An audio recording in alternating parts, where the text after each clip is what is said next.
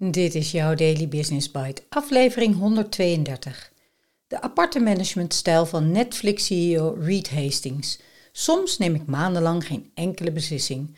Op bluevy.be en ik ben jouw host Marja den Braber.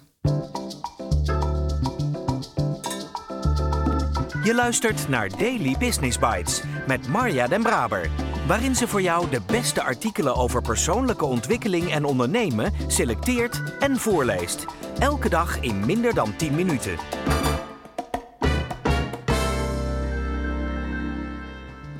Een hele fijne dag en welkom terug bij de Daily Business Bites.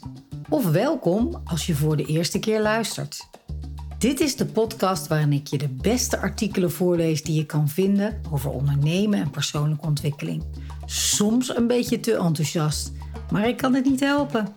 Ik houd van het onderwerp en van lezen. Dus dank dat je met mij meeluistert vandaag en elke dag. Leren loslaten en stoppen met micromanagen. Voor veel CEO's is het niet evident. Vaak leeft bij de bedrijfsleiders nog de perceptie dat je alles eerst nog langs hen moet passeren. Iets wat uiteraard enorm veel tijd kost. Reed Hastings, co-founder en CEO van Netflix, is een van de uitzonderingen die daar, naar eigen zeggen, helemaal geen moeite mee heeft.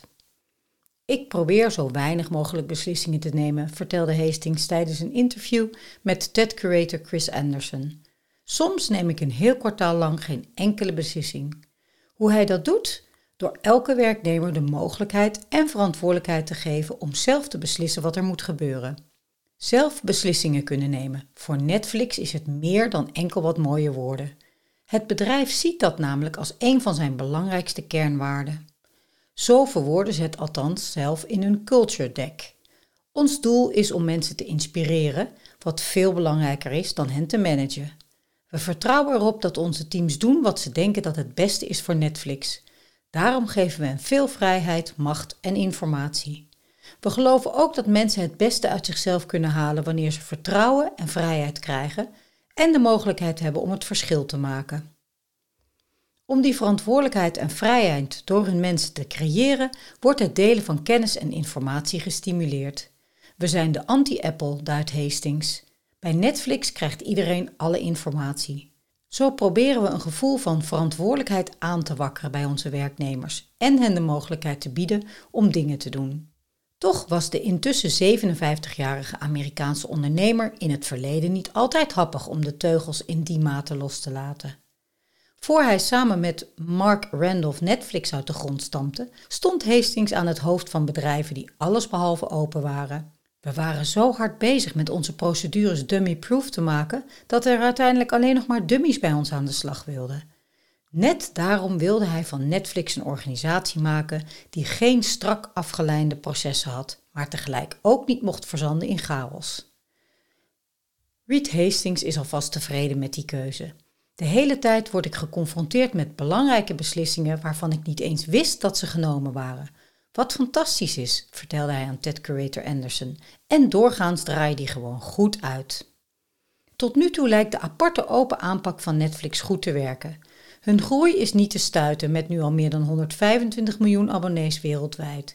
Maar ook op het vlak van employee happiness stelt de streaminggigant niet teleur. In vergelijking met andere grote techspelers blijkt Netflix er op vlak van employee satisfaction met kop en schouders bovenuit te steken.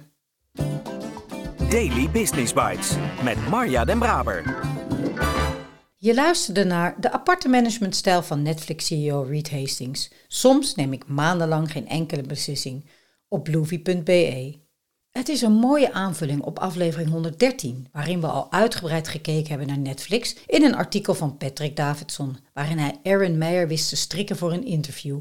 Aaron is de mede-auteur van No Rules Rules, dat zij samen met CEO van Netflix schreef, en kreeg zodoende een hele mooie inkijk in deze organisatie. Deze toevoeging is interessant omdat de titel alleen al laat zien dat het klopt dat de besluitvorming laag in de organisatie ligt. Een CEO die soms maandenlang geen beslissing neemt of aangenaam verrast wordt door een belangrijk besluit dat in de organisatie al is genomen. Het onderzoek waarnaar verwezen wordt voor wat betreft employee happiness vraagt nog wel om enige nuance. Uit dit onderzoek voor de pandemie trouwens, blijkt dat Netflix-medewerkers het meest happy zijn met hun salaris.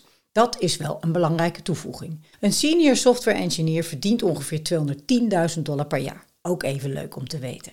Daarnaast is ook onderzocht of werknemers op zoek zijn naar een andere baan. Bij Netflix is het kleinste aantal op zoek naar een nieuwe baan.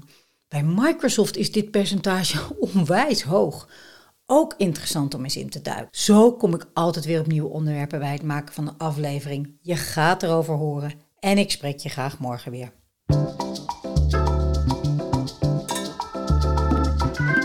Was Daily Business Bites. Wil je vaker voorgelezen worden? Abonneer je dan op de podcast in je favoriete podcast-app. Meer weten? Klik op de links in de show notes.